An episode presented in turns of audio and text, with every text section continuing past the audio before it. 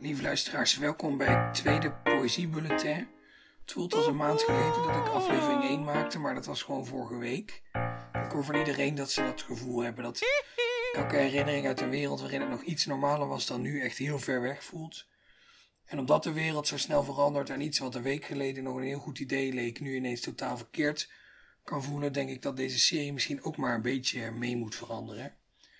Ik zei bijvoorbeeld vorige week dat het Poëziebulletin erbij komt, naast de gewone afleveringen van de Poëziepodcast, maar dat is ook al veranderd. In ieder geval tot 1 mei verschijnen er geen gewone afleveringen. Nu maak ik op zich een maandelijkse podcast, dus dat is er maar eentje, maar het voelt toch gek. En ik ga ook proberen om mijn gast voor komende maand, Jan Boerstoel, volgende week toch op de een of andere manier te spreken voor het Poëziebulletin.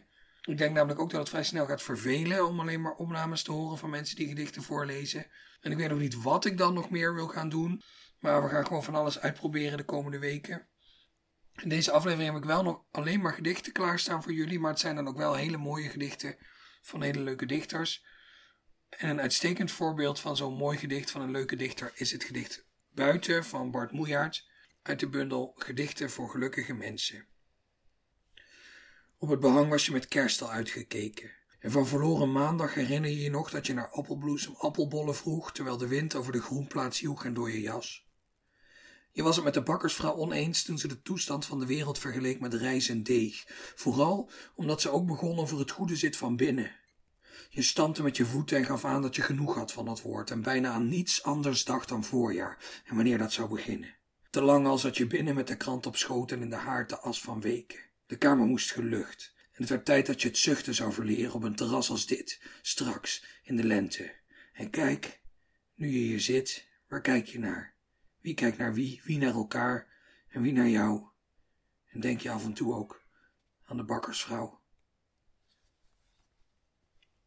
Ik heb nu al van drie mensen gehoord dat ze in deze onmogelijke tijden moeten gaan verhuizen. En een van die mensen is Vicky Franke. Ik ben dus heel blij dat ze toch de tijd heeft gevonden om iets in te spreken. Want zoals ik ook al tegen haar zei, verhuizen is normaal al verschrikkelijk. En tijdens een pandemie wordt het er vast niet makkelijker op. Vicky's antwoord, ja, dat klopt. Ik lees een heel kort, compact gedicht. Ik zou bijna zeggen opgevouwen of gevouwen, zoals origami-vellen. Uh, over de maan die altijd vol is. Het is een gedicht van Chantal Dupuy-Dunier, een Franse dichteres, uit haar bundel Mille Grues de Papier, duizend papieren kraanvogels. Naar de Japanse legende die zegt dat je na het vouwen van duizend kraanvogels een wens mag doen. En Dupuy-Dunier uh, vouwde geen kraanvogels, maar schreef ze. Ze deed een poging om duizend van dit soort origami-gedichten te schrijven. Uh, ze nam ze niet allemaal op in de bundel, maar toch zeker een heel aantal. En volgens mij is dit nummer 19. Uh, dat kan ik helaas niet opzoeken nu, omdat dit boek in een van de verhuisdozen zit die nu tegen mijn muur staan opgestapeld. Maar ik vertaalde dit gedicht onlangs en volgens mij meen ik mij inderdaad te herinneren dat dit nummer 19 was. Volle maan. De mensen zien haar in stukken, maar de maan is altijd vol. Ze schiet nergens tekort, in tegenstelling tot onze zintuigen, de kwartieren van onze zintuigen. Vicky was trouwens al eerder te gast in de Poëzie-podcast, helemaal in 2017 in aflevering 3. Bart Moejaert trouwens ook en nog meer dichters die vandaag voorbij komen, maar niet allemaal. Dus als je alle afleveringen al gehoord hebt, valt er even goed een boel te ontdekken. En sowieso is het geen straf om een dichter nog een keer te horen. Jonathan Griffioen bijvoorbeeld zat in aflevering 4 en hier is hij nog een keer. Gedicht van Charles Bukowski. Philips, 1950. Philips is an old-time cafe of Alameda Street. Just a little north and east of the main post office. Philippe's opens at 5 a.m. and serves a cup of coffee with cream and sugar for a nickel. In the early mornings, the bombs come down off Bunker Hill, as they say, with our butts wrapped around our ears. Los Angeles nights have a way of getting very cold. Philippe's, they say, is the only place that doesn't hassle us. The waitresses are old, and most of the bums are too. Come down there some early morning. For a nickel, you can see the most beautiful faces in town. Ik vind Bukowski eigenlijk altijd een troostrijke dichter. Juist omdat hij nooit zo zijn best doet om iemand te troosten. Hij schrijft recht voor zijn raap en soms is dat precies wat je moet horen om er weer even tegenaan te kunnen. Maar je hebt ook dichters, Joost Ome is daar een voorbeeld van, die juist wel heel erg hun best lijken te doen om te troosten. En dan heb ik bij Joost ook altijd nog het gevoel dat hij geprobeerd heeft zichzelf te troosten met een gedicht. En dat de lezer hetzelfde effect meemaakt, is dan mooi meegenomen. Over dit gedicht zei hij dat hij hoopte dat het jullie tussen alle ellende een beetje op zou kunnen vrolijken. Pool van limonade en andere slopende dranken. Voor sommige dyslectici en afasiepatiënten zijn garnalenkroketjes garnalenorkestjes. Waardoor ik nu op schoenen van rode gummibeertjes over straat loop en ik zing alle vogels uit de boom. Er hangt een hanger van gouden bramen om mijn nek. Het is moeilijk voor het publiek om in een gedicht te knijpen en te zien dat er druppeltjes geluk op het schilletje komen te staan. Maar voor een dichter is het heerlijk. Je kijkt uit het raam, bedenkt iets van glas en het is iets van glas. Ik heb het nu wel over opvrolijken, maar soms heb je daar ook juist geen behoefte aan. Ik merk het nu zelf ook dat er dagen zijn waarop ik heel optimistisch ben en aan de telefoon tegen mijn moeder zeg dat 80% van de mensen die corona krijgt niet eens naar het ziekenhuis hoeft. En dan zijn er ook dagen waarop ik het allemaal niet zie zitten en tegen mijn vader aan de telefoon zeg dat 1 op de 5 mensen die corona krijgt in het ziekenhuis wordt opgenomen. Dezelfde statistiek doet dan iets heel anders met je. En een gedicht dat te veel zijn best doet om je op te vrolijken heeft dan een averechts effect. Voor die dagen, in de hoop dat het toch een beetje helpt, is dit gedicht van Erik Lindner dat hij zelf voordraagt. Alles hangt waterpas, de afnemende maan, de datum aan de muur. Zij die aan tafel de stilte uitzet, hij die ramen donker spoelt. Brokken uit de uren dat we samen zitten, scheeploos in de donkere regen. De duiven die plotseling alle opvliegen, de ogen aan de takken op het plein. Vorige week heb ik al een beetje reclame gemaakt voor de podcast Dit Is van Dennis Gaans, die toen een gedicht las in het Poëziebulletin. En ik ga nu nog een keer reclame maken voor Dit Is. En dan vooral de prachtige serie Dit Is Sociale Onthouding, die Dennis vorige week online heeft gezet en die ik in één dag gebinged heb. In de serie houden zeven mensen een week lang een audiodagboek bij en een van die mensen is schrijfster en taalcoach Elske van Lonkhuizen. In haar audiodagboek las ze een gedicht van Menno Wigman en Dennis heeft me in al zijn gulle collegialiteit die opname gegeven, want hij vond dat die juist zo mooi bij deze podcast past. Omdat je nooit genoeg naar Menno Wigman kan luisteren, omdat jullie allemaal Dit is Sociale Onthouding moeten horen en omdat ze het zo mooi voordraagt, is hier Elske van Lonkhuizen. Uh, ik kwam dit gedicht tegen van um, Menno Wigman uit zijn bundel Mijn naam is Legioen uit 2012. Het heet um, massavaccinatie. En um, ik heb het idee dat we op dit moment um, veel over zouden hebben voor een uh, vaccinatie. Dus kom, ik lees dit eens lekker voor. Massavaccinatie. Creperen, nee. We zullen niet creperen. Die donderdag, niet zonnig en niet guur, de dag ging open als een geurloos dekbed, vertrok de halve wijk naar Rozenburg en nam de rij voor sporthal de Rozet. Een nieuwe pest. Wie nu niet ziek is, kan Kalm waren de ampullen neergezet, mannen en vrouwen, vrouwen en kinderen. Ons bloed werd zwaar als stroop en rij na rij lag zwijgend met het einde overhoop. De naald gezet, de bovenarm gebed, dan met een bloedgang weer de snelweg op en in de stenen huid van school, kantoor of achterhuis ontwaren we een klok en rusten van een zijden doodstrijd uit. Ik ga proberen om elke aflevering ook een dichter uit het buitenland aan het woord te laten. En deze week is het me gelukt om een dichter uit het zwaar getroffen Italië te strikken. Sergio Garau is een dichter uit Sardinië met wie ik al sinds 2007 regelmatig samenwerk. Hij is Italië ontvlucht en zit nu met zijn vriendin in quarantaine in Wenen. Sergio moet je eigenlijk kunnen zien in plaats van alleen horen, want hij maakt veel conceptuele gedichten waar zijn maniacale voordracht bijna nog meer een onderdeel van uitmaakt dan de woorden die hij gebruikt heeft. En dat laatste is zeker waar voor dit gedicht. Maar tegelijk is hij zo'n geslepen voordrager dat ik ook als ik alleen de audio heb en hij eigenlijk niks zegt, aan zijn lippen hang. Maar ik moet misschien niet te veel verklappen en gewoon het woord geven aan Sergio Carau. Hallo Dan, uh, eh, hallo Poëzie Podcast. Uh, uh, I'm Sergio Grau, and I would like to tell you a little poem inspired by the work of Arrigo Lora Totino, an Italian poet.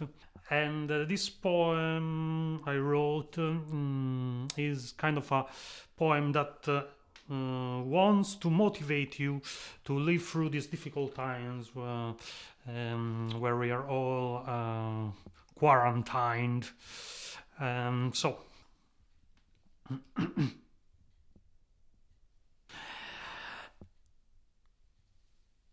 Bla bla bla bla.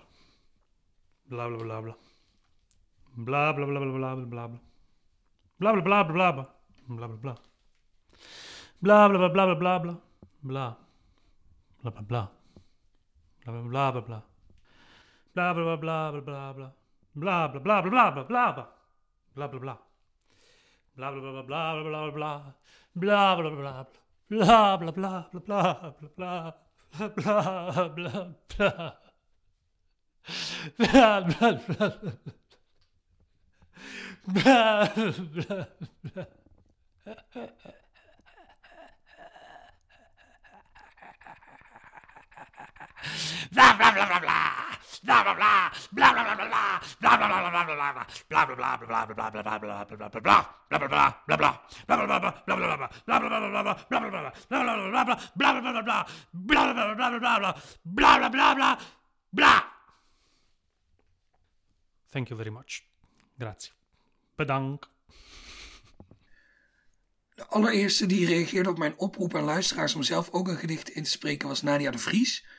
Die eigenlijk stiekem ook gewoon een succesvol dichter is. En ik geef haar dan ook met genoegen een plek in dit poëziebulletin. Hallo, dit is Nadia de Vries. Uh, ik ga een gedicht voorlezen van uh, Galway Canal, Amerikaanse dichter, uh, uit zijn bundel Mortal Acts, Mortal Words uit 1980. Het gedicht heet The Wait en ik heb het zelf vertaald. De Nederlandse titel is uiteraard Wacht. Wacht voor nu. Wantrouw alles als je moet, maar vertrouw de uren. Hebben ze je tot nu toe niet overal naartoe gedragen? Persoonlijke gebeurtenissen zullen weer interessant worden. Haar zal weer interessant worden. Pijn zal weer interessant worden. Knoppen die buiten het seizoen om opengaan, zullen interessant worden. Tweedehands handschoenen zullen weer mooi worden. Hun herinneringen geven de aanleiding voor andere handen. De troosteloosheid der geliefde is hetzelfde. Die enorme leegte, gekliefd uit zulke kleine wezens zoals wij, vraagt om gevuld te worden.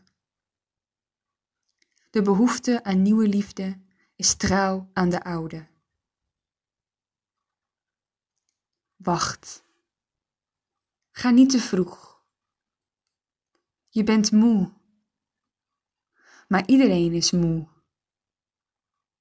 Maar niemand is moe genoeg.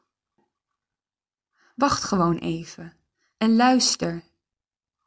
Muziek van haren, muziek van pijn, muziek van weefgetouwen die nieuwe liefdes weven. Wees erbij om het te horen. Het zal de enige keer zijn om je hele bestaan te horen, gerepeteerd door het verdriet dat zichzelf tot uitputting zal voortbrengen. Tot slot geef ik jullie nog het audiobericht dat ik van Maarten van der Graaf kreeg. Die twee gedichten voordraagt waar jullie denk ik nog wel een hele week op kunnen kouwen tot het volgende poëziebulletin verschijnt. Dag beste Daan. Dit voicebericht uh, om je twee hoopvolle gedichten te sturen. Het eerste is uh, van Mina Loy en het heet Gertrude Stein. Als de Madame Curie van het laboratorium van de woordenschat, pletten ze de tonnage van het bewustzijn, dat bevroren zat in zinnen, om het radium van het woord te winnen. En het tweede is een kort gedicht ook van Francis Ponge uit Namens de Dingen. Uh, vertaling van Piet Meeuwsen. Vertaling die ik net las, overigens was van Katelijne de Vuist. Uh, van Mina Loy. En het gedicht van Ponge heet De genoegens van de deur. Koningen raken geen deuren aan. Zij kennen dit geluk niet. Zachtjes of brusk een van die grote vertrouwde panelen voor je uitduwen, je naartoe keren om maar weer te sluiten, een deur in je armen houden. Het geluk om een van die hoge obstakels van een kamer in zijn buik vast te grijpen bij zijn porseleinen knop, dat snelle lijf aan lijf, waarbij men een moment de pas inhoudt, het oog opengaat en het hele lichaam zich aanpast aan zijn nieuwe behuizing. Met een vriendschappelijke hand houdt het hem nog vast, voordat het hem met een beslist gebaar terugduwt en zich insluit, wat de klik van de krachtige, maar goed geoliede veer op aangename wijze bevestigt. Voor meer Maarten van der Graaf verwijs ik jullie graag door naar aflevering 46 van de Poëzie Podcast. We spraken elkaar drie dagen voordat de eerste maatregelen werden afgekondigd, dus het is zo ongeveer mijn laatste gesprek uit de normale wereld en voorlopig dus ook de laatste reguliere aflevering van de Poëzie Podcast. Maar zodra de wereld weer verder gaat, gaat de Poëzie Podcast ook weer verder en tot die tijd is er elke vrijdag het Poëziebulletin waarvan dit aflevering 2 was. Ik heb al van een boel mensen eh, gedichten opgestuurd gekregen. Dankjewel daarvoor. Blijf dat ook vooral doen. Ik heb niet alle gedichten die ik nu opgestuurd heb gekregen ook in deze aflevering kunnen stoppen, omdat ik ook een heleboel gedichten heb van dichters die ik zelf uitgenodigd heb. En die wil ik toch graag voorrang geven. Maar uh, ik heb zo'n vermoeden dat deze serie best nog wel lang gaat duren, dus uh, hopelijk komt uiteindelijk iedereen aan de beurt. Als je ook een gedicht weet wat je graag in zou willen spreken voor deze podcast, stuur je opname dan naar poëziepodcast.gmail.com zonder trema. Het poëziebulletin wordt gemaakt door mij, Daan Doesborg, in samenwerking met de Stichting Literaire Activiteiten Amsterdam. De intro bij deze podcast komt uit het lied Hoop van Winterjong. Tekst en zang door Boris de Jong. Piano en zang door Jelke Smit. Doe voorzichtig, blijf gezond, blijf binnen en tot volgende week.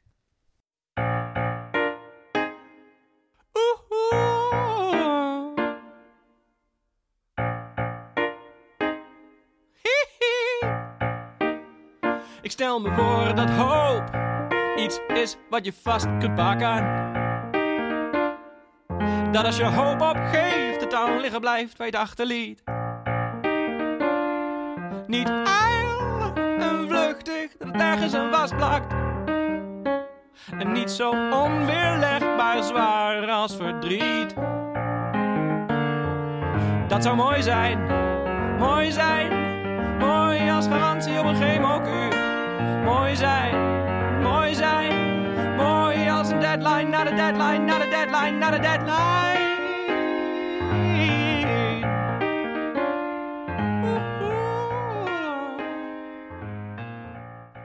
Je luisterde naar een aflevering van de Poëzie Podcast.